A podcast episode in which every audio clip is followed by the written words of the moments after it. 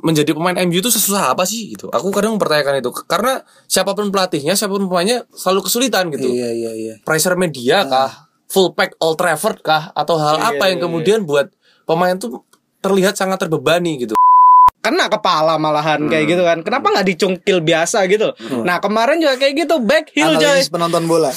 iya, maksudku kemarin tuh kayak sosokan Gak yang- gampang anjing. Loh, lah tapi dia sosokan back heel coy. yang Iya, pertama itu dia back yang tahu heel. situasinya. Ya, refleks. Tapi back heel kedua gol gitu. Back heel yang pertama itu sosokan Karena ada ada ada, ada sindrom takut dibilang kerajinan. gitu. menjilat.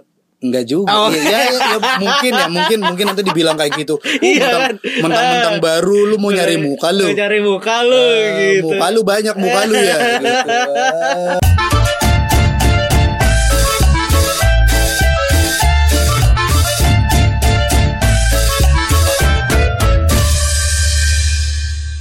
Mari kita awali podcast ini dengan sebuah postingan dari akun Instagram Austerit.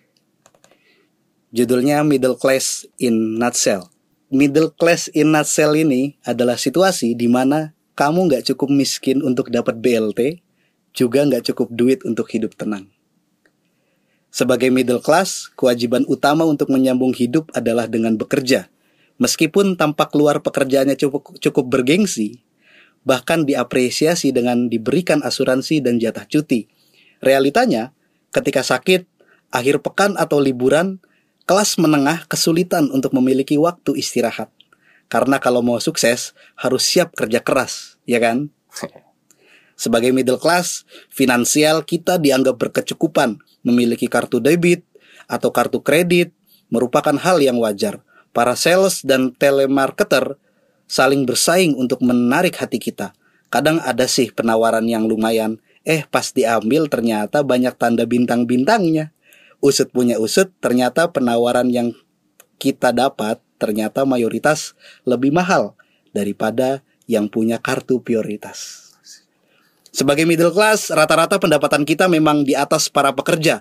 Sektor informal lainnya seperti kang baso, tukang somai, mbok jamu, tukang gorengan.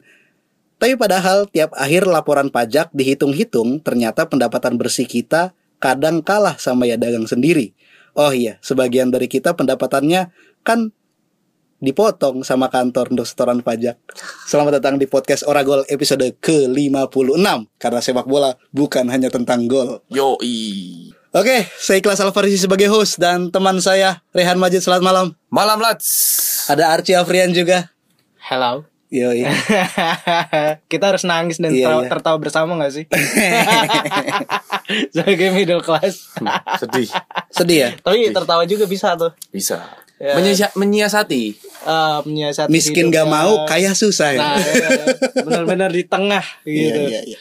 Ya itulah apa kabar teman-teman semua yang mendengarkan ya kita sudah sampai eh, episode ke-56 ya. Kalau kalian yang bar yang terakhir dengerin karena respect ya ya itu mungkin ngedengerinnya di episode ke-30 kita sudah sampai 56 itu tanda konsistensi kita. Padahal biasa aja ya. Konsisten coy. Kita Iya. perlu ngapresiasi juga. Oh, apresiasi kita ya. ya. Gimana ya kabar kalian? Kabar-kabar kalian nih. Ya. Udah Senin lagi, udah Agustus lagi, udah minggu lagi, kedua di bulan Agustus. lagi. Nggak jadi bayar video premier ya Anjing, buat iya Liga juga, Inggris. Ya gimana? Gimana? Sebagai kelas menengah kan? Ah, Twitter ilegal masih ada. Enggak. Kemarin itu pas kita terakhir rekaman di Indonesia, itu kan Eh. ada sidik kan. Terakhir sidik tuh mau, tapi sidik nanya, itu ak- satu akun bisa dipakai berapa device? Cuman dua device. cuman dua device. Sementara ngajak patungannya empat orang, sama aja. Repot juga. Sama aja. Yang satu kecuali semuanya dukung MU kan. Ah. Ini aku juga nggak mau-mau amat tentang Premier League. Cuman pengen ngulik aja gitu kan. Tontonan utamaku ya Liga 1. gitu lah. Ya, kita ngobrolin apa nih yang lagi rame nih. Kemarin abis ada anniversary 10 tahun JKT48 ya. Luar biasa ya. Luar biasa men. Jadi itu konser yang dihadiri oleh 11.000 ribu Sebelas ribu. penonton di Estora Senayan, kemudian yang hadir dan tampil di acara-acara konser ya dengan tema Heaven itu, itu generasi 1 sampai generasi yang terakhir. Generasi berapa yang terakhir? Ya generasi 10. Oh. 10 tahun. Kan tiap ini oprek tahun ganti? Oh, oprek, oprek. Oke oke. Oprek kan ada pelatihan Sampai gitu. Cindy Gula udah pakai hijab sekarang Yo, ya. Nabila juga ya. Nabila, Nabila hadir Baby. berarti ya? Nabila hadir, Melody. Wah, generasi satu bangsat. Wah, Umuran berapa ya kita dari satu itu ya berarti ya? ya 2011 berarti aku sih kelas 2 SMA. Oh, eh, iya. kelas 1 SMA ya. Seumuran kita nggak sih maksudnya orang-orang itu enggak ya? Nabila kayaknya masih di bawah kita tapi Macam-macam ya, macam-macam ya umurnya. Macam-macam rank rank umur. Yang paling tua tuh si ini Mel- Melody kan 92 dia umur apa namanya angkatan 92 Eh, dia. Melody yang pakai hijab kok Cindy Gula. Ya kan Melody kan. Melody, Nabila. Nabila, Baby, terus si dek siapa lah ya itulah pokoknya. Jadi jadi post struktur berarti mereka ya udah ya. Iya, mereka ini coy. Organisasi kader berbasis masa. yang datang om-om ya kan. Iya, itu kan ini temu kawan-kawan lama kan ada kawan-kawan post struktur, Ex- ex-wota-wota, ex-wota-wota, ya. alumni, alumni. Sekarang udah di ruangnya masing-masing ya. Udah ruangnya udah berdiaspora. Ruangnya masing-masing.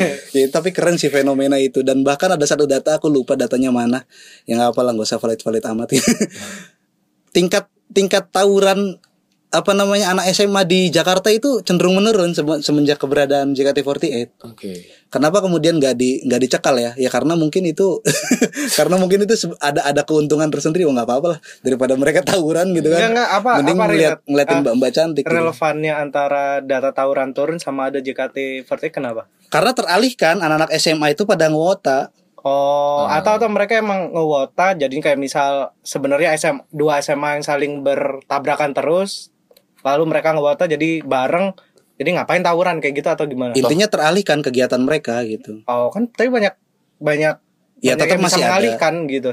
Kenapa harus JKT48? Nah itu dia pertanyaan. Kenapa harus JKT48 gitu kan? Kayak kayak kayak nggak nggak nggak nggak relate banget loh ketika maksudnya bukan nggak relate tapi nggak relevan ketika penurunan penurunan apa tadi Mm-mm. eh, Tingkat tawuran. tingkat tawuran dengan JKT kan bisa aja teralihkan juga dengan Mobile Legend kan juga bisa kan Bisa. kenapa nggak J- kenapa harus JKT48 gitu Enggak dengan bukti 11.000 orang yang menonton itu itu baru yang live ya yang nonton. Itu belum yang streaming itu. Ya. Itu bisa ribu maksudku sebegitu kuat powernya dan pesonanya mereka gitu untuk mengalihkan apa namanya mas-mas ini daripada malam minggu itu mabar dari malam minggu nongkrong di mana ya Istora Senayan men gitu. Makanya kalau kelitih ingin hilang di Jogja ada JGJ 48 tuh harus ada. JGJ 48. Oke. JGJ 48. JGJ 45 perjuangan Ya gitulah ya ngomong-ngomong soal jadi kelas menengah eh fase yang kemudian aku jalani se- se- apa sekarang ini sih di kantor itu udah kan awalnya fase uh, perkenalan, adaptasi, sekarang masuk ke fase yang baru coy. Apa tuh Persaingan kerja. oh, udah udah udah ada persaingan kerja Nggak Ya. terasa ya. Ya editorku ada yang denger sih kayaknya. ya ya buk aku aku apa namanya akhirnya jadi empiris gitu loh suatu yang sering kita obrolin ya aku baca teori apa segala macam itu kan udah diobrolin dari dari 1800 ya gitu ngomongin persaingan kerja gitu jadi ya akhirnya empiris oh gini oh oke gitu jadi eh, punya apa namanya punya porsi kerja yang sama.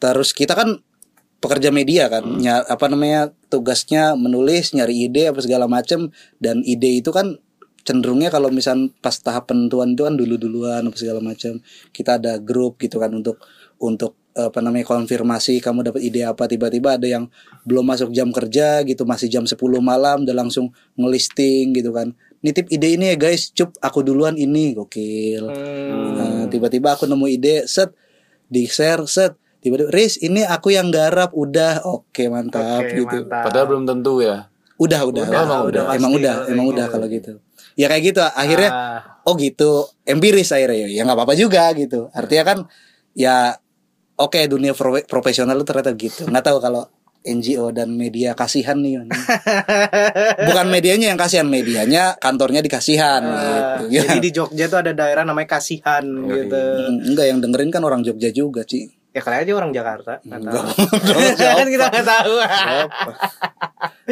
Apa ya? Ya, ya aku selama setahun kerja juga udah ada sih kayak gitu. Apalagi kalau misal tergantung bonus kayak gitu kan Waduh. Persaingannya ya ya kejam sebenarnya. Tapi bagaimana bisa bertahan dan resilience terhadap persaingan itu kan ya middle class lah gimana ya aku malah kalau ngomongin middle class ya aku tuh keinget McTominay Jawa Oh, dia middle class ya. Oh, iya. middle class Middle class. gajinya dikit tapi dia Tuntutannya banyak. tuntutannya banyak Iya. Pressure-nya tinggi. ya. pressure-nya tinggi Bagus, bagus, bagus. Iya, iya. Iya. Kalau timnya main bagus, kalau dia main bagus yang dapat pujiannya Ronaldo gitu Iya, kan. dan di dia kan kerja di ini sebuah perusahaan yang terkenal namanya Iya. Manchester United kan. Iya, iya, iya. Tapi gajinya dikit coy. Iya. Celaka eh bukan celakanya ya. Aku aku aku menggaris bawah ini menggaris bawah ini dengan apa ya? Bukan celakanya, sialnya. Ya, ya sialnya. Sialnya aku mulai menduga beberapa kolega-kolega kerjaku itu ternyata ya mungkin sama pragmatisnya sama aku gitu loh di ruang kerja. Mungkin dia punya idealisme yang lain, punya hobi yang lain, punya sesuatu yang lebih suka dia untuk dikerjakan. Jadi dia tuh ya di situ benar-benar pragmatis ngerjain semuanya selesai set gitu. Padahal kultur yang ditekankan adalah kultur saling membantu kalau kau belum dapat ide gitu-gitu. Iya, tapi tapi ya Agak gimana sulit ya. kalau misal kita aja ide aja juga setengah mati nyari. Heeh. Lalu ada orang yang digaji sama, Mm-mm. kesusahan mencari ide, Ah. wah fucking you.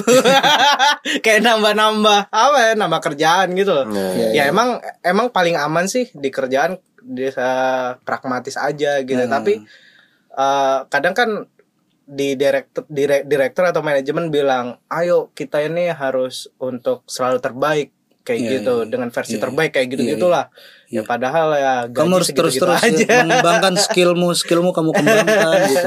Mungkin awal-awal akan terasa kaku, tapi udah ini akan udah Eh, biasa. tapi tapi gini Riz, aku dulu enam bulan awal kerja itu, wah aku powerful loh. Dalam arti apa ya? on fire, on, on fire. fire banget enam bulan awal tuh. Hmm. Lu kayak gitu gak sih? Atau kayaknya udah enggak? Enggak. Enggak, dari awal Gimana? dari awal udah mah temanya kesusahan ya, maksudnya eh, nyambungin diriku ke tema tersebut tuh agak agak susah. Jadi menyublimnya itu agak susah gitu loh. Ketika Oh, udah berhasil menyublim, udah tahu peta yang harus dicari mana gitu kan, sumber-sumbernya ke mana. Ternyata ya ada ada apa namanya ada kesadaran selanjutnya bahwa oh yang nyari ke sumber ini tuh bukan cuman aku loh gitu Hmm. banyak gitu iya dan dan itu dibilang cepet-cepetan ya emang harus cepet-cepetan gitu cuman ya harus legowo juga kalau mem kalau sepersekian menit gitu itu tuh ide itu udah langsung diajuin ke ini jadi kesannya tuh gimana ya Ya emang bersaing kan. iya se- se- sementara di satu sisi aku cenderung orang yang Males bersaing. Bu, satu itu malas Ah. bersaing. Kedua tuh nggak tahu aku punya nggak punya sindrom orang yang nggak mau terlihat perfect tuh loh. Tapi sebenarnya lu pengen perfect. Enggak juga. kayak kayak kayak misalnya gini nih, waktu kerja aku bangun tepat waktu jam 6, masuk kerja jam 9 gitu kan. Hmm. Nah, sebenarnya kan bisa itu memungkinkan banget kan dengan aku wak- apa bangun jam 6 itu untuk untuk mempersiapkan diri jam 9 tank gitu loh sampai kantor dan mulai kerja itu. Hmm. Aku mem- memperlambat waktu gitu kayak ya ngapain sih rajin banget gitu. Oh, gitu, gitu. aku tahu kayak gitu tuh. kayak gitu gitu. Masa biarlah bekerja di jam kerja gitu. Iya, iya, iya. sih kayak gitu. Ah, emang emang ada kayak gitu. kayak gitu. Itu Kebanyakan itu dan itu gitu. dan itu bukan bukan ke cuman bukan cuman ke wilayah kerja ya kayak misalnya ketemuan sama orang gitu loh. Kayak ketemuan ya jam segini ya gitu. ya Aku udah ada di daerah situ tuh. Ah. Bahkan setengah jam sebelum waktu janjian. Aku keliling dulu beli rokok dulu lah gitu. Udah sampai tempatnya anjing rajin banget kayaknya gua. Lagi gitu-gitu. Itu itu kejelekan gak sih? Iya sih.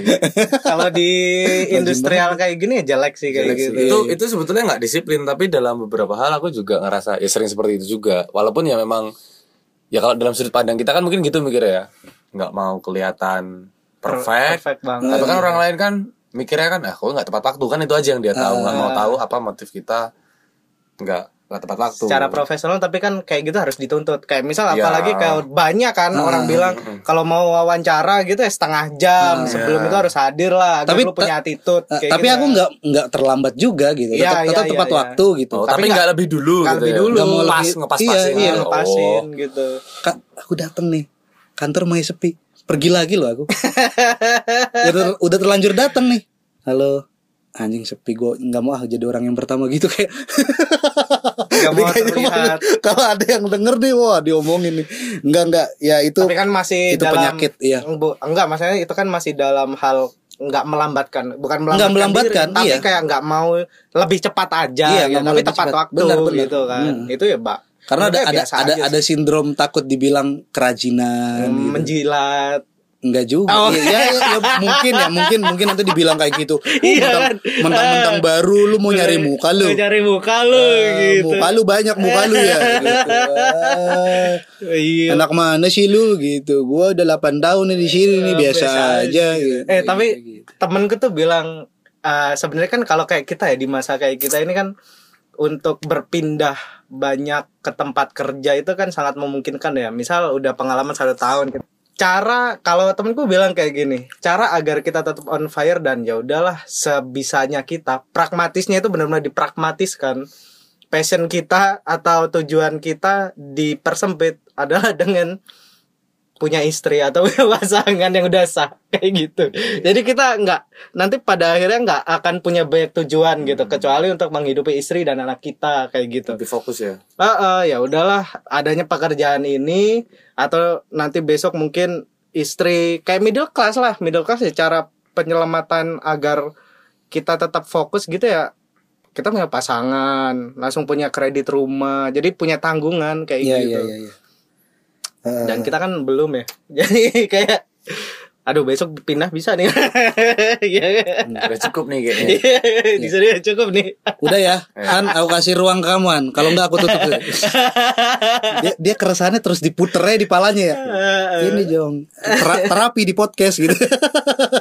gitu Eh, aja. tapi lo Ah. ini gak sih Oh, udah ada Sandwich. pertanyaan lagi. Ya, ini kan kita ngomongin middle class ya middle class kayak misal eh, orang yang middle class tapi dia nggak menghidupi orang tua itu menurutku udah dia punya privilege lah kayak gitu Aku sandwich generasi. kau juga sandwich nah generasi itu masih menghidupi orang tua terkadang atau adik lah gitu misal Aku kalau secara status itu anak sulung gitu kan yang punya Ah. punya kewajiban moral itu kan ngasih sebagian harta kita untuk orang rumah gitu. Cuman apa ya belum ada tuntutan sampai ke sana gitu. Hmm. Ah, tapi kayak misal udah punya aduh ya boleh lah ya berapa persen kita untuk orang tua atau untuk orang rumah gitu ya mm, itu tuh enggak lebih enggak menyakitkan enggak tuh enggak kalau kalau kita udah lebih dulu dikenal sebagai orang yang pelit sih kayaknya. enggak enggak enggak bercanda. Enggak pasti ada keinginan loh. Maksudnya dituntut atau nggak dituntut mah berbakti mah pasti ada gitu. Ah, Kayak gitu. ah, aku nggak pernah nggak pernah itu apa merasa itu jadikan beban gitu kayak gitu nggak tahu kalau kayak gue pengen bilang itu beban kan dia tapi beban. Karena aku kemarin juga baca di kumparan kan anak itu bukan celengan gitu kan. Dan itu coba kalau kayak artikel ini tuh dibaca sama orang tua aku misal kayak gitu. Harusnya lu dari muda udah ini dong udah berusaha punya celengan sendiri punya duit pensiunan sendiri kayak gitu. Nanti pas lu udah emang nggak bisa kerja ya lu nggak bener-bener membebani anak kayak gitu. Itu Iya, itu iya. Jadi ketika membaca itu juga aku refleksi kepada diriku sendiri kayak gitu biar besok aku kalau misalnya dijawab gini gitu. aku tuh sebenarnya kalau nggak punya kowe bisa nyelengin coy anjing ya lu ngapain buat aku gitu kan bisa aku tanya balik kayak gitu Hmm, ya gitulah. Oh, iya. Gua langsung durhaka kamu.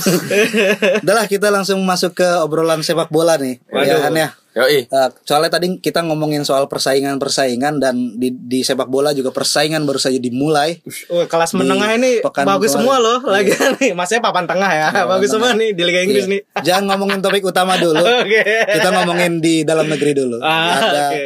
ada update eh, pekan keempat eh pekan keli- Tiga ketiga ya, pekan ketiga Tiga. dari eh, Liga 1 Indonesia di mana Madura United berhasil menyapu bersih tiga permainan yang mereka lakukan kan Iya, semua semuanya.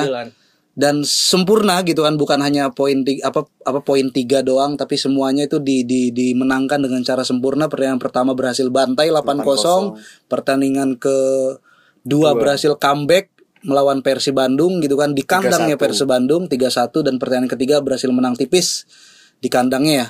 Lawan ini lawan dirinya sendiri kayaknya. Yang ketiga itu sama Persik Ya lawan Persik. Satu kosong Satu Persib. kosong. Satu kosong. Soalnya aku aku dua. aku terdistrak. Aku nggak nonton pertandingan Persib sama apa namanya Persik Persik Kediri lawan Madura ya. Cuman sekilas doang. Nah, pas yang sekilasnya itu aku nonton ternyata di tribun-tribunnya Stadion Maka- Pemakasan itu ada tiga empat orang yang pakai serban terus pakai gamis itu solawatan men. Masa sih? Di antara fans-fans itu mereka keliling kayak oh menjaga ini untuk ayo malaikat datang menangkan tim kebanggaan kami gitu-gitu. Pakai ini mereka minta bantuan langit. Gokil. ya. Arahan kiai enggak Iya kayaknya ya Iya kan, gitu. minta, minta jadi. saran kan pasti. Minta saran. Kayak yang asli atau enggak tuh? Ya ya Kan kan. lagi banyak yang enggak nih. Ya, mereka kayak asli asli. Ma- Madura Madura Madura itu kiai-kiai di Madura itu ikan besar yang ada di kolam yang kecil gitu. Oh, Mereka nggak iya, perlu sampai ke Jakarta ngapain. Madura aja yang penting Madura sejahtera. United ya Madura ya. United. United Iya, bersatu. Madiri bersatu kan. Iya, Madura bersatu. Gitu. Terus ada eh laga seri yang dimainkan oleh PSM Makassar dan Persija Jakarta. Nah, itu tuh yang aku bilang di minggu-minggu sebelumnya tuh adu taktik tuh dan beneran kan. eh PSM Makassar berhasil mencuri gol lebih awal dan kemudian berhasil disamakan gitu kan oleh Persija Behrens. Jakarta. Hanno Behrens ya. Total udah dua gol dia Dua nyetaknya. Dan strikernya si PSM Makassar tuh sekilas kayak Minamino loh, Kenzo itu. Oh iya kan. Iya, iya kan. Cara mainnya ya ngotot ya dia. Cara enggak cara mainnya, penetrasinya Iya, dan ngot- cara dia nyetak gol juga kayaknya Minamino banget gitu. Bentukannya juga hampir-hampir. Ya karena kan sebangsanya. Sebangsa Iya, aja. makanya. Makanya, kalau ngeliatin bentuk ya. Nah, nah, terus yang Persikabo nah, Kabupaten Bogor ini berhasil juga menang dan masuk ke papan atas ya. Ya, tim yang terkesan diremehkan di awal musim apa nih Persikabo pasti bakal degradasi nih gitu kan. Ternyata dia berhasil menang dengan Dimas derajatnya. Yoi. Siapa itu Ciro gitu kan. Sabu bersih tiga permainan awal juga mereka. Iya iya iya iya, Sahu bersih juga. Terus ada derby Persebaya yang berhasil dimenangkan oleh Persebaya yang Surabaya. itu Persebaya yang ini tapi Persebaya FC Bayangkara. Oh, Bayangkara. Satu kosong. Kemudian ada juga Persi Bandung yang kembali dibantai. Empat satu. Nah sekarang kita yang tanya Faris. Eh, Tagar Gimana ini itu? out. Tiba-tiba muncul. Soalnya kalau aku ngeliat begini nih soal Persib Bandung kan ya nanti mungkin nyambung sama pembahasan di Liga Inggris karena di headline recent update kan aku bahas soal eh rekognisi soal tim besar dan tim kecil itu sekarang tuh makin sulit menurutku ke depan ini. Eh maksudnya gini nih. Bentar bentar rekognisi itu. Recognition itu apa? maksudnya mengidentifikasi tim besar dan tim kecil tuh menurutku sem- semakin season berjalan, semakin musim nanti ke depan terus berjalan ini waktu bergulir tuh akan semakin bias menurutku. Karena akhirnya tim-tim yang punya label besar sekarang itu tuh labelingnya karena histori gitu loh. Tapi eh kalau mau disesuaikan dengan situasi hari ini mungkin bakal dipertanyakan apakah ini masih bisa digolongkan sebagai tim besar. Misalnya aku berkaca lah, nanti kita bakal bahas Manchester United. Kalau kita ambil range waktu lima tahun terakhir, apakah dia masih bisa dikatakan tim besar dengan apa struggle yang sedemikian rupa? Tak pikir ya orang harus mengkaji dua kali. Tapi dia akan terus mendapatkan label tim besar ya karena historinya. gitu. Karena historinya ya. Sedangkan ada tim-tim kayak Leicester City gitu sih misalnya yang sebetulnya sudah konsisten main di Eropa meskipun nggak nggak di Champions terus Iya, ya. iya, iya, iya. Udah juara Premier League, juara FA Cup. Tapi ya selama Bentar bentar pakai klub Liga 1 deh yang jarang di Kabu. mention sama kita. Persikabu. Enggak, kalau Persikabo mungkin baru season ini ya, tapi misalnya di di Yang konsisten gitu loh papan ya, tengah papan di, tengah. di, di Liga PSM. 1 PSM Makassar. PSS juga. kalau kalau PSS. kalau PSM tak pikir udah udah inilah, udah lumayan lah dia sejak lama udah lama di Liga 1 gitu loh. Eh, Kita Eh, sekarang nggak nggak usah Liga 1 deh, Liga 1 mah kan semua klubnya punya histori ya. Nah, misalnya Bayangkara deh. Bayangkara deh. Hmm. Bayangkara Bayangkara, meskipun dia tim siluman gitu kan. The Guardian, Bali United eh enggak maskotnya anjing ya kan. Iya loh, maskotnya Bayangkara sih anjing bawa bawa apa perisai. gitu. obor eh obor, Perisai, obor, perisai. Polisi kan maksudnya. di Guardian. Ya, Guardian. Nah, menurutku dia tim besar sekarang. Apalagi pas di tangannya Paul Munster kemarin kan monster kan mereka. Bersaing di papan atas. Tapi menurutku dia nggak nggak dapat label tim besar gitu. Ketika ketemu Persib misalnya, ya Persib tim besarnya gitu. Padahal mungkin struggle ya Persib meskipun musim kemarin peringkat dua ya. Peringkat dua Tapi juga. apakah ya pragmatis football ya ya sah-sah aja sih. Tapi kan maksudnya aku menilainya seperti itu loh. Nah sekarang dalam kasus Persib yang tiga pertandingan awal terseok-seok, ini aku ada bertanya-tanya nih, eh, apakah masih masih relevankah tim besar itu disematkan ketika misalnya Kalah terus. Itu pertama yang penyebabnya barangkali pemain-pemainnya gagal menyerap instruksi pelatih misalnya. Ya, Eh, ah, ya, apa play ya? dulu sih. Kalau aku sih ngelihat tiga pertandingan ini Belum bisa jadi ukuran. belum bisa jadi ukuran. Kayak aku juga kalau tim besar atau apa kan banyak itu banyak faktornya kayak Ya, historis ya, dan syarat-syarat, sebagainya, ya, ya, kayak gitu. ya, soal lebih, syarat, ya. lebih kepada historis kayak Ah, gitu. ah, Tapi ah. kayak misal prediksi sebelum liga lah gitu. Hmm. Kita nggak bisa bayangkan kan kayak Madura United Persikabo ternyata main konsisten ternyata gitu tiga kan tiga pertandingan tiga awal. pertandingan awal gitu. Tapi ini kan liga kan panjang, Mm-mm. Iya kan? Kayak misal dulu Persib juga terseok-seok di awal-awal liga, M Man City juga dulu di Liga Inggris gitu kan. Mm-mm. Tapi pada akhirnya mereka juga resilience, bounce back-nya bagus, jadi gitu loh. Berakhir di papan atas. Eh, eh, tetap di papan atas gitu. Nah, Ah, karena itu dibantu oleh faktor luar kan, faktor yang ke- ketidakkonsistenan klub-klub lawannya. nah gitu. itu kan juga ngomongin kayak misal eh, sekuat pemainnya gitu kan. Mungkin awal di awal-awal liga ini kayak oh dengan ada pemain baru kayak gitu-gitu belum klop kayak gitu-gitu. Hmm. Tapi sepanjang nanti liga kayak kita gini aja deh beri beri batasan aja deh di enam laga awal gitu aja. Nah, Kalau misal Persib ini tetap terseok-seok kayak gitu, ini kan pre terseok-seok berarti ya emang harus diganti apakah itu pelatihnya atau apanya manajemennya dan sebagainya kayak gitu. Kalau kalau aku malah menilainya minjem dari istilahnya Coach Justin ya yang ngolok-ngolok MU zamannya Ole gitu kan. Hmm, Ah, Ole ini ikan Coach Justin kan ngatain Ol- apa namanya Ole ini miskin taktik gitu kan. Kenapa? Di skuadnya tuh mewah kayak Formula One, tapi dia itu membawa Formula One itu dengan cara supir angkot kayak gitu. Oh, Oke. Nah, istilah itu juga yang pengen aku pinjem ke Persib Bandung hari ini gitu loh. Mewah aku kan bilang-bilang ke apa namanya bilang di minggu kemarin tuh Persib Bandung tuh gak pantas bermain dengan cara sepragmatis ini dengan materi yang Bagus. sangat memungkinkan untuk bermain sepak bola dengan pattern yang jelas dengan visi yang jelas. Nggak cuman nggak cuman pragmatis ke depan gitu loh. Vertikal vertikal tanpa punya kreativitas pola, gitu kan. Dia di tengah punya Kambuaya Klok gitu kan. Irianto. Irianto gitu kan. Ya Irianto kan bisa versatile kan bisa dipasang gitu kan. Terus di belakang ada Jangkung Kuipers ada ada si Sato Daisuke Sato terus ada Kakang Rudianto. Terus di di di, di, di depannya ada si David da Silva gitu kan si apa dia tinggal dapat supply enak aja buktinya dia mencetak gol kan Iya, walaupun yang gol pertama kan gol bagus. pertama gitu dia tinggal dapat supply nah masalahnya adalah Rene Albert itu ya gitu nggak punya imajinasi lebih gitu loh. Di apa ketika ada situasi-situasi yang yang yang menghajar Persib kayak kayak dua pertandingan sebelumnya gitu kan. Misalkan dia unggul kebiasaannya per, apa namanya yang selalu dikritik sama fans Persib Bandung itu dari musim sebelumnya adalah Rene Albert itu dia kalau udah Persib nyetak satu gol dan unggul satu kosong udah langsung main negatif. Oh gitu. ah langsung main negatif numpuk pemain di belakang gitu loh. Sekalinya dia dapat bola pun nggak ada nggak ada apa kayak nggak ada keinginan nggak ada taktik yang ng- ngarah ke pemain itu untuk tambah gol tambah gol nggak ada. Makanya kemenangan Persib walaupun banyak tapi kan sedikit sedikit satu kosong Dua satu. satu gitu kan. Hmm. pas lawan Persiraja doang kemenangan ter- terbanyaknya Persib Bandung tuh musim lalu tuh 4-1 gitu kan.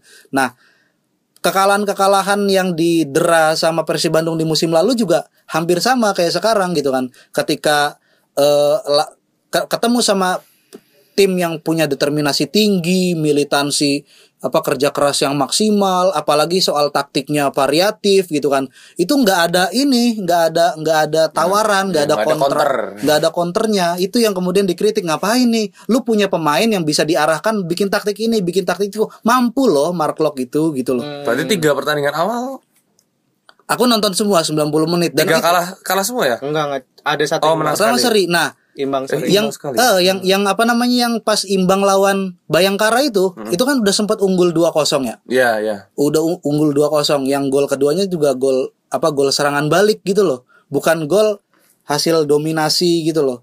Nah, itu tuh mereka tuh narik mundur semua pemainnya. Ma- ya, aku nggak aku terlepas dari ngomongin Persib ini tim besar atau tim tim kecil ya. Tapi dengan materi pemain sebagus itu, ngapain lu low block men gitu. Betul, betul. Eh, ngapain low block? Toh low block juga akhirnya lu kebobolan juga 2-0 eh 2 sama akhirnya gitu kan. Hmm. Nah, itu kemudian dihajar lagi sama apa nama Madura United. Ya entah ya ini mah analisis aku yang apa namanya awam aja tapi sepenglihatanku gitu nggak ada variasi gitu dari permainan Rena Albert gitu. Beda sama pelatih sebelumnya kan Mario Gomez kan. Bener-bener direct football bener-bener nyari ruang gitu loh nyari ruang. Kalau ini nggak nyari ruang ya Allah akurasi passingnya jelek banget. Masa kam ada di tengah ada Kamboya sama Mark Locke masih masih punya akurasi passing yang jelek gitu kan. Artinya kan menurutku bukan salah pemain tapi salah arahan pelatihnya gitu. Dia lebih lebih ngarahin pemain itu buat individu apa skill individu aja maksimalin. Yang akhirnya ya gitu. Oleh kedua nih berarti ya.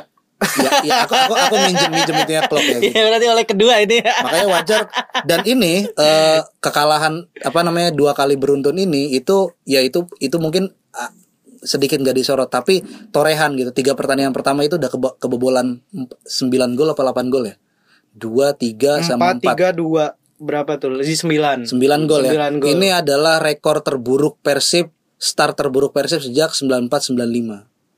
Wow. Ya, ya, ya maksud gue ya itu pertimbangan apa namanya pembelaan macam apa lagi yang harus Sebelum di Rene Albert siapa coachnya? coachnya Mario Gomez. Mario Gomez kayak umurnya juga gak lama ya waktu jadi coachnya Persib ya. Eh, Iya kan? Iya, apa namanya sama manajemen. Iya, sama Nah, manajemen. crash sama manajemen. Padahal visinya bagus ya. Visinya bagus Iya, gitu, iya. visinya bagus.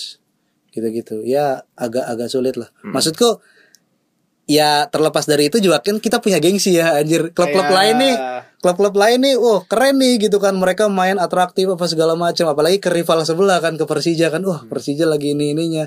Terus di awal musim kita kita kayak underestimate eh malah kita sam- pas awal musim ditampar sama kenyataan gitu kan. Tapi menariknya Liga 1 itu ya Riz Kayak misal banyak prediksi kan Kayak Arema Bali United Persib Persebaya Eh, Persis Persis gitu. Solo, ya. Yang bisa seenggaknya dari laga pertama udah on fire gitu. Eh ternyata mereka kan flop semua Iya, gitu. Persis Solo malah Yang paling buncit ya, eh, dia paling buncit ya. Paling buncit. Dia- tiga kali main tiga kali eh, kalah ya. Di bawahnya Persib gitu kan. Nah ini kayak Kayak Kayak Wow ternyata eh, Liga 1 itu menarik loh gitu Kayak Madura United tiba-tiba 8-0 gitu kan Catatan selanjutnya ke Persib, ini bukan tim yang baru dibangun aku pikir. Betul Tim ini udah ad- apa namanya nggak banyak Dua berubah. tahun Dua tahun Cuma kan nambah Ciro kan? sama Daisuke Sato doang. Mm-mm. Cuma nambah Ciro sama Daisuke Sato doang.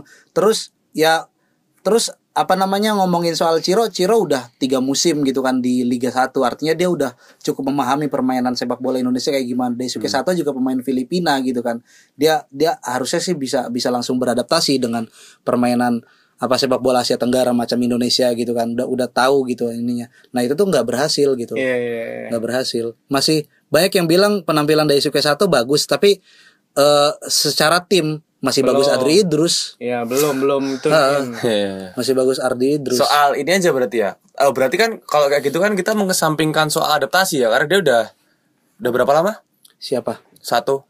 Enggak, sa- satu kan Satu pemain baru. Filipina, baru baru dia baru di Liga baru. 1. Berarti kan Dan maksudnya paling kalau- nggak dia pemain Asia Tenggara gitu loh. Berarti kan masalah adaptasi harusnya dia lebih familiar ya, nggak Familiar. nggak nggak ada problem adaptasi ya. Iya iya iya. Ya. Kayak gitu. Ya sih, memang dalam beberapa hal aku aku agak skeptis tuh kadang. Soalnya aku berkaca dari MU ya, mungkin ya nggak nggak nggak nggak apple to apple, tapi kalau tadi minjam istilahnya si si siapa namanya? Eh Coach Justin, Hmm. ya aku mikirnya kalau di nanti kita bahas MU ya. Kalau di MU itu barangkali ini ya itu dalam beberapa musim kemarin, mungkin bahkan sampai sekarang ya di eh, start awal Liga Inggris ya masih pemain Iya, kadang kala malah yang aku bilang gagal mengaplikasikan arahan coach. Nah, makanya tadi aku bilang di Persib gimana? Apakah jangan-jangan Nah. Rene Albert ini visioner? Jangan-jangan kan? Enggak enggak banget gitu loh. Oh, udah udah udah enggak banget gitu loh. Soalnya aku nggak per- memperhatikan Persib kan. Iya iya. Dan aku hanya berkaca dari hasil, hasil musim lalu. Iya iya. iya. Bisa peringkat dua. Aku mikir lah, nih si orang Iya. si Kalau kalau nggak Menir, lolos lima besar, Rene Albert udah pasti dicopot dia. Enggak enggak gini aja Kalau Enggak. misal parameternya kan Apakah Enggak, enggak, Tiga enggak. pertandingan aja kan Enggak. udah Rene out nih Enggak kok konteks konteks musim kemarin. Oh, musim Uh, kemarin. Musim kemarin kan musim kemarin tuh Rene Albert termaafkan karena karena Dia Persib akhirnya dua. peringkat dua dan apa Persib berhasil masuk lagi ke zona Asia kan. Ah. Itu termaafkan karena itu doang hasil karena hasil. Oke. Cuma secara permainan itu benar-benar di Banyak ini, yang kritik kayak gitu kan ya benar-benar dikritik. Tapi kan kalau misal mau Rene out ini Kalau misal kau sendiri ya Apa? Kan kemarin kan banyak Tiba-tiba trending di Twitter Hashtag Rene out Kayak gitu. Iya, kan iya, iya. Opsinya siapa penggantinya? Enggak enggak enam berapa pertandingan lagi untuk kau eh ya udahlah Rene. Albert coba gitu. Apakah enam pertandingan? Enggak, kal- Atau kalau aku lima? mah secara individu dari awal musim kemarin di Udah setengah musim bahwa- awal juga Rene out gitu. Oh. Kenapa oke. kenapa Wander Lewis sama Gofre Castillion yang out harusnya Rene out gitu iya iya menurutku ya gitu kayak kayak kan kayak gini kayak misal eh, pema- eh, apa banyak fans Arsenal kan bilang bahwa Arteta ini busuk banget nih di Arsenal kemarin gitu. Ah. Tapi ternyata eh, musim ini lumayan bagus gitu. Entah tapi bagaimana kan gitu. Ah, Eh, apakah Rene ini bisa termaafkan misal besok nih sama PSS Sleman tanggal 19 heeh. dia menang kayak gitu. Enggak juga sih menurut gue. Kalau misalnya memang sejak musim lalu dijelaskan pemaafan terjadi ke arah hasil bukan skema, ya ini bom waktu malahan kan. iya iya iya Ya tinggal nunggu aja kapan dihancur-hancuran lagi. di Bandung tuh banyak pandit ya dia bu- udah bisa banyak yang menilai gitu loh bahwa Oke oke. Ya, eh, dan apa orang-orang yang kayak apa namanya fans fans Persib gitu loh yang benar-benar ngikutin Persib dari dulu sampai sekarang kayak Kang Zen segala macam mereka nggak punya ekspektasi Persib meraih juara yang penting manajemen bagus dan pertandingan itu enak buat dilihat itu aja Waduh Barca banget ya. Barcelona banget ya. lah iya men orang yang sudah mendalam me- apa Emang melihat Bandung itu Catalunya. iya negara-negara Bandung. This is ya. Persib ya kan sama kayak this is Catalunya. Iya, ada ada timnas masuk. Eh, ngapain Iya, timnas iya, masuk iya. Bandung? juara itu juara itu bonus gitu juara itu bonus gitu. Nah, filosofi PSS yang utama ya. PSS Sleman sama Persib berarti dukung mana nih? Tetap Ya, Persib. Persib lah. Apa SS kalau aku sih? Enggak kalau dukung Biar mah cepet misalkan Persib di- degradasi Liga 2 juga aku tetap dukung Oh, Persib iya. gitu loh. Enggak enggak akan bercerai dengan gara-gara hasil ini cuma Kalau kan Rene out deh siapa? Siapa Riz? pengganti. Kalau sebagai kowe nih sebagai Faris enggak kalau enggak bu- bukan aku. Aku enggak enggak punya opsi apa-apa. Cuman Bobotoh Krapia nih gimana enggak enggak. Aku enggak punya opsi apa-apa ya. Itu mah biar jadi dramanya mereka ya. Cuman aku what if gitu kan. Kalau misalnya aku jadi manajemennya Persib. Persib gitu kan. Amin amin amin sih. Amin. Enggak what if cok. What Ya, ya, enggak mungkin enggak mau juga aku ngapain. Nggak, siapa tahu kan Enggak Riz. mau lah. Jadi Enggak. lapangan pekerjaan buat kita juga Iya. kan gitu. mereka tuh mereka tuh harusnya berpikir gitu kan ini nih lagi kita nih lagi punya hubungan yang sangat erat dengan sepak bola Korea ya kan waduh Ah, ah. kalau bisa tuh ya Pak Teddy gitu Pak Teddy sama Haji Umuh gitu kan nyolek nyolek Sintayong gitu minta rekomendasi kira-kira apa namanya siapa pelatih Korea? siapa pelatih? Korea yang bisa dimasukin biar apa biar apa namanya skema perkembangan pemain gitu kan Disesuaikan Yang disesuaikan dengan kebutuhan timnas. kebutuhan timnas Pak gitu. Jisung datang tiba-tiba. Oh. Enggak, Pak Jisung jadi pekerja media, coy, jadi wartawan dia. Oh, masa sih? Jadi wartawan dia. Umar Jisung. Nah, jadi Pundit wartawan. kali, pundit di sana. Ya intinya pekerja media Iya lah. olahraga kan. Soalnya ada satu video gitu Meksiko lagi pertandingan sama siapa gitu. Pak Jisung pinggir lapangan terus apa manggil Cicarito. Woi, woi gitu. Oh, Woi, tahu ada, tahu. ada, ada, ada. Woi. 2018 kan? I, ah, 2018 kan? enggak baru-baru ini. kemarin, baru kemarin. Woi, FIFA Match Day gitu kan. Weh, gue di sini coy, ngapain? Kerja aku. Oh iya iya iya. Pundit olahraga dia. Iya, kayak eh, gue di sini kayak gue ketemu sama temen gue. Bagaimana lu sekarang. Iya. Kalung lu kok apa media partner gitu gitu. Bagus. Iya tuh Pak Jisung sekarang jadi pekerja media ya. Sukses buat Pak Jisung ya. Ya itulah pokoknya apa namanya bacot kita untuk Liga 1 eh, pekan ketiga ini. Kita masuk ke persaingan yang baru saja dimulai. Di pekan pertama ada Arsenal yang berhasil membuktikan eh, ekspektasi Ngerianya ya. Gunners ya, bukan ekspektasi semua orang ya. Semua Iya. orang pasti mendoakan Arsenal kan. Tapi Arsenal berhasil menang 2-0 dengan tim yang yang dikenal sebagai giant killer ya karena oportunis semua tuh pemain ada Eze, Ayew, Edward siapa gitu-gitu. Crystal Palace ya ya itu berhasil menang 2-0 dengan nggak tahu ini ini ingatanku aja yang salah atau aku terlalu ini ya. Kayaknya lima musim terakhir tuh ya pertandingan pertamanya Arsenal tuh selalu dibuka dengan golnya Arsenal yang sundulan dari zamannya Moron Camak tuh. nggak tahu ya kalau ada Gunners silakan dikoreksi dan salah aku ya sosokan so tahu jangan so tahu gitu. Tapi enggak, Soalnya aku merasa kayak gitu Ya, kayaknya tapi apa pertandingan-pertandingan awalnya Arsenal tuh kayaknya akrab dengan gol-gol sundulan. Oke oke, enggak aku kalau aku nggak tahu ya kayak itu. ya. Tapi ini perbandingan terbalik antara Liverpool sama Arsenal. Ya. Kalau dari musim kemarin ya, kalau musim kemarin pertandingan pertama Liverpool tuh selalu menang gitu kan dengan menghadapi tim yang baru mentas di Premier League kayak gitu kan Ya, ya, tiga tiga tiga tahun ini kan selalu sama yang promosi kan Ya ya ya ya. dan Arsenal itu selalu kalah gitu. Tapi musim ini kebalik kayak gitu. Dan ekspektasi akan aku baru main FPL ya. Hmm. FPL itu banyak juga loh yang apa namanya eh naruh gab, Gapsus itu di depan coy sama Gabjes, Gabjes. Eh, Gabjes, Gabjes sorry. Gapsus. Gak apa, gak apa, gak apa. Kan sama, kan? Khas kita, sama, sama. Gabriel Jesus. Iya kan? Kalau ngomong Gapsus. Gapsus. Gak apa-apa. Oke. Enggak, Yelsus. Enggak, Oh, Gapsus. Bukan kopsus. Bukan. Apa kopsus? Kopas apa kopi susu? Iya, Iya iya. ah bikin krik-krik anjir. Karena aku main FPL ya, Gapsus tuh banyak gitu di dijadiin nomor satu. Nah nanti pendampingnya kalau nggak Darwin Nunes, Halan gitu kan. Ya ya ya. Lalu pinggir ada Since ya Zinchenko kayak gitu dan mereka kemarin eh pas pertandingan pertama Arsenal tuh wah bagus banget gitu mainnya itu Zinchenko Iya, iya. apalagi tuh. Uh, terus ada Bournemouth yang menang 2-0 lawan Villa, Newcastle yang menang besa- menang 2-0 lawan Menang tim debutan Nottingham, Nottingham Forest. Forest. Dan ada Tottenham yang 4-1 ini calon juara Liga Inggris ini. Waduh. Terus ada Leeds United yang 2-1. Ya, Chelsea menang tipis 1-0. 1-0. Leicester menang eh sama Imbang, lawan dua sama. imbang lawan Brentford. dua sama. Kemudian ada Liverpool yang imbang melawan tim Yo Yo. Dua sama. Dua sama. Dua sama. Tapi kredit untuk Muhammad Salah ya nyetak gol terus jadi pertandingan pertamanya Liverpool semenjak dia Betul. mendarat di Anfield itu ya. Iya. Gokil Eh, memang. Harusnya, kan aku kemarin lihat Premier League itu kan dua pertandingan ya. Eh tiga ding. City, MU sama Liverpool gitu. Ya ya ya ya.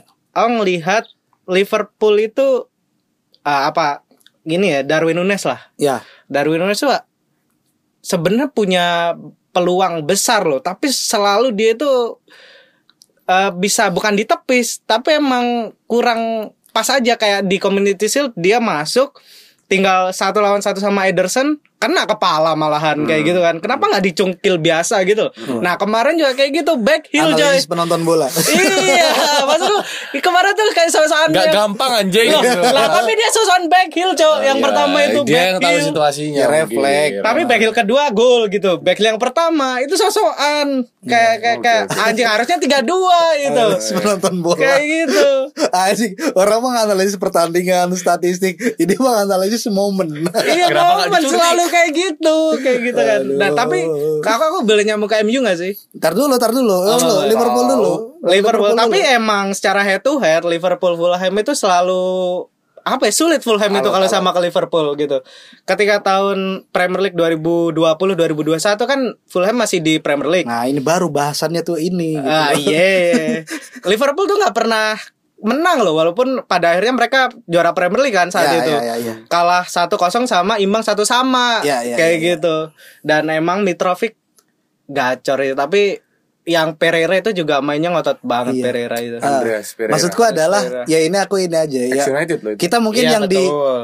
kita mungkin yang di timur jauh ini melihat ya tim-tim yang eh, punya persiapan pramusim itu tim-tim besar gitu. Maksudnya siapa bilang men tim-tim lain juga punya pramusimnya Iya, sendiri-sendiri. pramusim. gitu. Kita sorot aja. Iya. Tapi Fulham pramusimnya nggak terlalu cemerlang juga Ah, sebenarnya. iya. Sama kayak Liverpool. Semua gitu. tim di Liga Primer itu melaksanakan pramusim, mereka Hmm. menyusun skema tim, taktik kayak gimana, yang akhirnya itu diejawantahkan ke dalam permainan resmi gitu kan. Hmm. Nah makanya gitu kan, Brighton akhirnya bisa berhasil mengalahkan Manchester United betul. karena hasil dari pramusimnya. Iya, betul, gitu. betul, betul.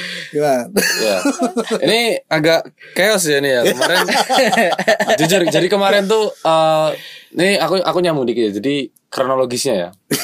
Agak tragis soalnya. Tiga hari yang lalu tuh aku tuh lembur terus di kantor. Ya ya ya. Lembur terus di kantor dan kepasan tuh semua lembur itu berakhir di hari Minggu. Mm-mm. Seninnya aku libur, Minggu pulang dan tiba-tiba pop up di Instagram tinggal 30 menit lagi kick off anjing. Bayangin nggak weekend Yoi. Tiga minggu. Ya kan Sunday is coming gitu kan Sebagai Ah. penyuka bola MU main Begitu pulang langsung mandi Bikin kopi Siap-siap ngerokok Udah nyari channel FTTV Twitter ilegal. Iya, iya. FB Skills Premier League Belum Live langganan, belum langganan. Sobat Belum langganan. miskin. Sobat miskin. Yang setiap 30 menit crash ganti ganti, harus anjing crash. anjing anjing nyari-nyari lagi kan. Udah dapat satu settle nonton dan terjadi kalah. Jadi eh, kekalahan ini kalau aku sebetulnya ada beberapa catatan penting yang bisa kita lihat ya. Ini bukan pembelaan ya. Ini Hmm. Enggak, enggak. ini aku enggak, coba ya. Enggak, analisis semua. ya, ya, coba semua. coba ya kita Ah, analisis ya. Pertama kita lihat dari segi luar lapangan. Ya. Ada tindakan dari Erik Ten Hag yang coba show who is the boss gitu. Siapa bos di sini dan dengan cara mencadangkan Ronaldo. Cristiano Ronaldo. Sesuatu yang nggak pernah kita lihat di era Ragnik, di era Mo- Carrick Oh, iya, iya. dan di era Ole gitu. Ole. Dia selalu dapat dapat posisi starting line up gitu. Tapi menurutku di saat yang bersamaan MU itu nggak pernah aku ingat punya memori yang bagus dengan dengan pola false nine. Ya, dia ma- masang Christian Eriksen ya jadi false nine. ya? Iya. Eh apa namanya pola false nine yang diterapkan MU sejak zaman Ragnik ya. Kalau Ole kan nggak pernah false nine ya. Itu selalu eh nggak tahu ya Ole pernah nggak? Se- Seingatku nggak pernah. Oleh falsetto. Males ya. itu itu selalu gagal dan dan itu dicoba lagi di eh, skema tadi malam kayak gitu. Di, di saat yang bersamaan Martial nggak bisa main dan itu menyebabkan lini serangnya sebetulnya lagi ke keoknya gitu. Dan sebetulnya kalau aku mikirnya malah di momen itu butuh Ronaldo malahan. Karena di pertandingan itu aku lihat juga MU selalu gagal di depan gawang gitu. Iya, iya, iya. Si eh, siapa namanya? Rashford. Rashford dua kali gagal, Iya, kena Sancho tiang. kesulitan masuk, Bruno Fernandes berulang kali off target. Ini pemain-pemain yang diplot untuk bisa nyerang justru mandul gitu. Dan di pertengahan laga aku ngelihat Erikson sama Bruno akhirnya rebutan di tengah tuh. Hmm. Erikson udah nggak betah di depan, pingin kreatorin ikut-ikut kreatorin di tengah. Bruno-nya nggak bisa minggir. Iya, iya, Karena itu area dia semenjak zaman Ole kan. Jadi Ah, tabrakan gitu. Makanya eh, dari beberapa komentar di Twitter aku juga ngeliat memainkan Bruno dan Erikson di saat yang bersamaan itu ada gambling besar gitu. Iya, kalau iya. sukses-sukses bener, kalau gagal ya ya udah. Apalagi Erikson nggak pernah punya memori main false nine kan. Dia selalu punya Harry Kane dan Son gitu di Ah, di apa di namanya depannya. di depan terus di Brentford dia juga plotnya nomor 10 gitu. Jadi di Inter pun dia ada Lukaku. ada Lukaku gitu. Jadi wah ini ini gambling banget.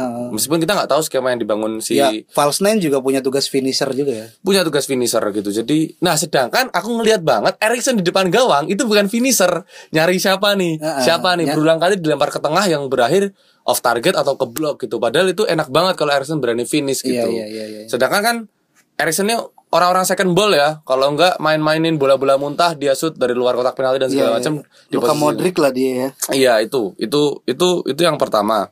Nah terus yang kedua aku shock banget ketika light up keluar McTominay dan Fred ini masih punya slot gitu. Sedangkan aku malah malah malah menilai harusnya di era Ten Hag yang erat dengan pemain-pemain muda dia berani mainin pemain yang opsi lain. Yang mana Zidane Iqbal kalau pada ngikutin selama pramusim cemerlang banget dan didaftarin ke squad. Terus kemudian ada James Garner yang kemarin bawa Nottingham Forest promosi. Dua pemain yang menurutku punya kans bermain lebih enak di bawah asuhan Ten Hag. Tapi wah anjing yang namanya McTominay ini bangsat sih. Rusak banget gitu mainnya. Anda menyalakan kelas menengah ini. Iya, iya, iya. Dalam dalam hal ini memang ngehe dia. Iya. Daripada dia menunjukkan performa yang baik, mending resign gitu loh. Anjing Risa. Lah, iya loh. Daripada dia protes Pindah tentang- klub aja anjing. Iya, maksudnya daripada dia menunjukkan performa yang buruk, resign aja gitu. Kalau di Persib tuh ada ada tuh ini Apa tuh? Pem- apa namanya pemandu gym Ezra Walian. Ya itulah. Jadi Iya, Mac, iya, Mac, Mac, Australia. Mac, McTominay lagi-lagi wah kacau banget sih. Dia dia berulang kali mencoba box to box tapi nggak punya visi untuk melempar bola ke mana gitu. Iya iya iya. Kan makanya si Paul Scholes ada satu statement dia bilang kayak gini Pak after matchnya. Sebagai pemain tengah, kamu nggak bisa terus-menerus menerima bola ketika dirimu menghadap ke gawangmu sendiri gitu. Nah, McTominay itu tipikal pemain yang nerima bola itu nggak segera half turn atau full turn, tapi dia lama menghadap gawangnya sendiri gitu sehingga apa sih namanya? Sebelum menerima bola kita biasanya apa namanya? Scanning. scanning. Iya. scanningnya tuh lemah. McTominay jadi begitu nerima bola ke belakang lagi ke kiper lagi. Jadi temponya nggak berjalan seperti yang Ten harapkan nah ketika dia coba U-turn sekali berhasil balik dia nggak nggak nggak cepat-cepat untuk kasih bola itu ke Rashford atau Sancho gitu. Ah. makanya si Gary Neville bilang ketika kamu bawa bola seorang pemain tengah membawa bola menghadapkan ke depan dan tidak segera memberikan wingermu padahal kau punya Rashford dan Sancho itu adalah tindakan kriminal menurut Neville bilang gitu. Bagus. karena karena ya karena yang bilang Paul Scholes ya aku lihat sendiri zaman zamannya Paul Scholes. Dia pegang bola sekali capping sekali kanan kiri lihat lepas. Ya, lepas. Karena dia tahu di kanan ada eh, ada Tevez atau Ronaldo kanan kirinya. Bola jangan lama-lama bola ya. jangan lama-lama. Atau Rooney yang atau Rooney yang yang drop ke tengah kayak gitu. Jadi Ah. itu itu kacau banget. Di lain sisi aku nggak tahu ya. Ini ini mungkin apa namanya terakhir penyampaian dari aku sebelum nanti kalian nanggepin lah. Menjadi pemain MU itu sesusah apa sih gitu? Aku kadang mempertanyakan itu. Karena siapa pun pelatihnya siapa pun pemainnya selalu kesulitan gitu. Iya iya iya. pressure media kah? Full pack Old Trafford kah? Atau hal Iya, apa yang kemudian buat pemain tuh terlihat sangat terbebani gitu? Aku ngelihat Rashford, Sancho itu sangat nggak lepas mainnya gitu. Ada semacam ekspektasi besar yang kayak nggak nggak mereka bisa penuhi. Tapi Iya, terlepas dari itu semua, aku kasih kredit besar buat Graham Potter, manajernya Brighton. Itu luar biasa sejak musim lalu. Paruh kedua aku masih ingat banget di kandangnya Brighton dibantai 4-0 MU. Betul. Graham Potter bisa menciptakan uang 110 juta hasil penjualan Ben White dan Marco Kurela. Ini pelatih yang punya Keren ya. apa visi Keren ya. besar. Mirip kayak ini coy pemeran apa namanya? Kesatria hitam di Game of Thrones dong. Anjing ada lagi apa? Ya pokoknya inilah pria-pria Britania gitu loh. Iya. Dan ini Pria-pria dan dia, dan dia orang Inggris. Iya iya iya. Dan menurutku kalau kalau FA mau gercep ganti aja Gareth Southgate ganti Ngapain diganti tiba-tiba? Lo enggak coy, menurutku keren sih Graham Potter. di, dipantau dipantau. If- what Iya. if- Soalnya kan menengah menengah aja Iya. Brighton ini. Tapi Ronaldo masuk juga kan di li- menit 56 kan. Masuk tapi dalam dalam posisi mood yang tak pikir sebetulnya udah nggak enak banget dia main tuh. Iya dia ngeliat ada fotonya kan ya. Iya. Bagus. Tapi gini, Main apa ini? ah, kan setelah setelah kekalahan MU kan banyak kayak apa media ya? enggak enggak media yang dead, deadline-nya kayak gini Cristiano Ronaldo tidak Headline atau deadline? Eh, ya headline headline tidak bisa menyelamatkan MU gitu Ronaldo. Anjing. Ronaldo kemar bukan harusnya jangan spotlightnya ke Ronaldo lagi dong. Tapi skema Ten Hag yang belum masuk dan bisa menyelamatkan MU kayak gitu loh. Benar-benar. Ini aku kemarin ngelihat eh, pemain tengahnya pada bingung loh. Pada bingung, pada bingung. pa- makanya pas paruh kedua itu kan Kacau Fred dan McTominay di Diganti langsung semua, diganti, diganti kan. semua. Dan Erikson ngambil ke tengah Ngambil ketika ke tengah. Ronaldo jadi Masuk. target man Target kayak man. gitu kan. Nah ini sebenarnya ada satu peluang itu yang bisa masuk ya nggak masuk ya tapi kayak mem- memungkinkan itu masuk ketika Rashford di depan gawang kalau dia mau umpan ke Ronaldo yang berada di sisi kanannya Hmm. itu bisa kemungkinan dua-dua lah kayak gitu kayak Iya, iya. Hmm. jadi tapi pada akhirnya dia nembak sendiri dan tiang kayak gitu. Iya. Ini ini kayak kayak hal semua pemain MU tuh pengen membuktikan diri apalagi Yes. di pemain Bagus dong. depan. Ha, Tapi sayangnya ya itu belum ada keterpaduan yang Iya. pas gitu ngelihat kemarin kayak gitu. Ibaratnya Halan dan Nunes dia Hmm. pingin membuktikan diri tapi pemain di belakangnya itu udah padu Iya. gitu. Bedanya sama MU ini ada pemain depan kayak sekelas Rashford yang tahun lalu flop banget. Pingin membuktikan diri lagi. Ya, Aku ya, tuh pantas di MU, tapi cuman tengah dan belakang tuh belum padu kayak iya, iya, gitu. benar-benar. Kayak kemarin kan setelah setelah permainan itu kan Maguire juga bilang bahwa dia juga masih belum padu dengan Sama Lisandro benar, kan. benar, benar. Kayak gitu. Oke, ya kita geser dulu nih sebentar nih ke tim yang di kecamatan sebelahnya nih, ada Manchester City.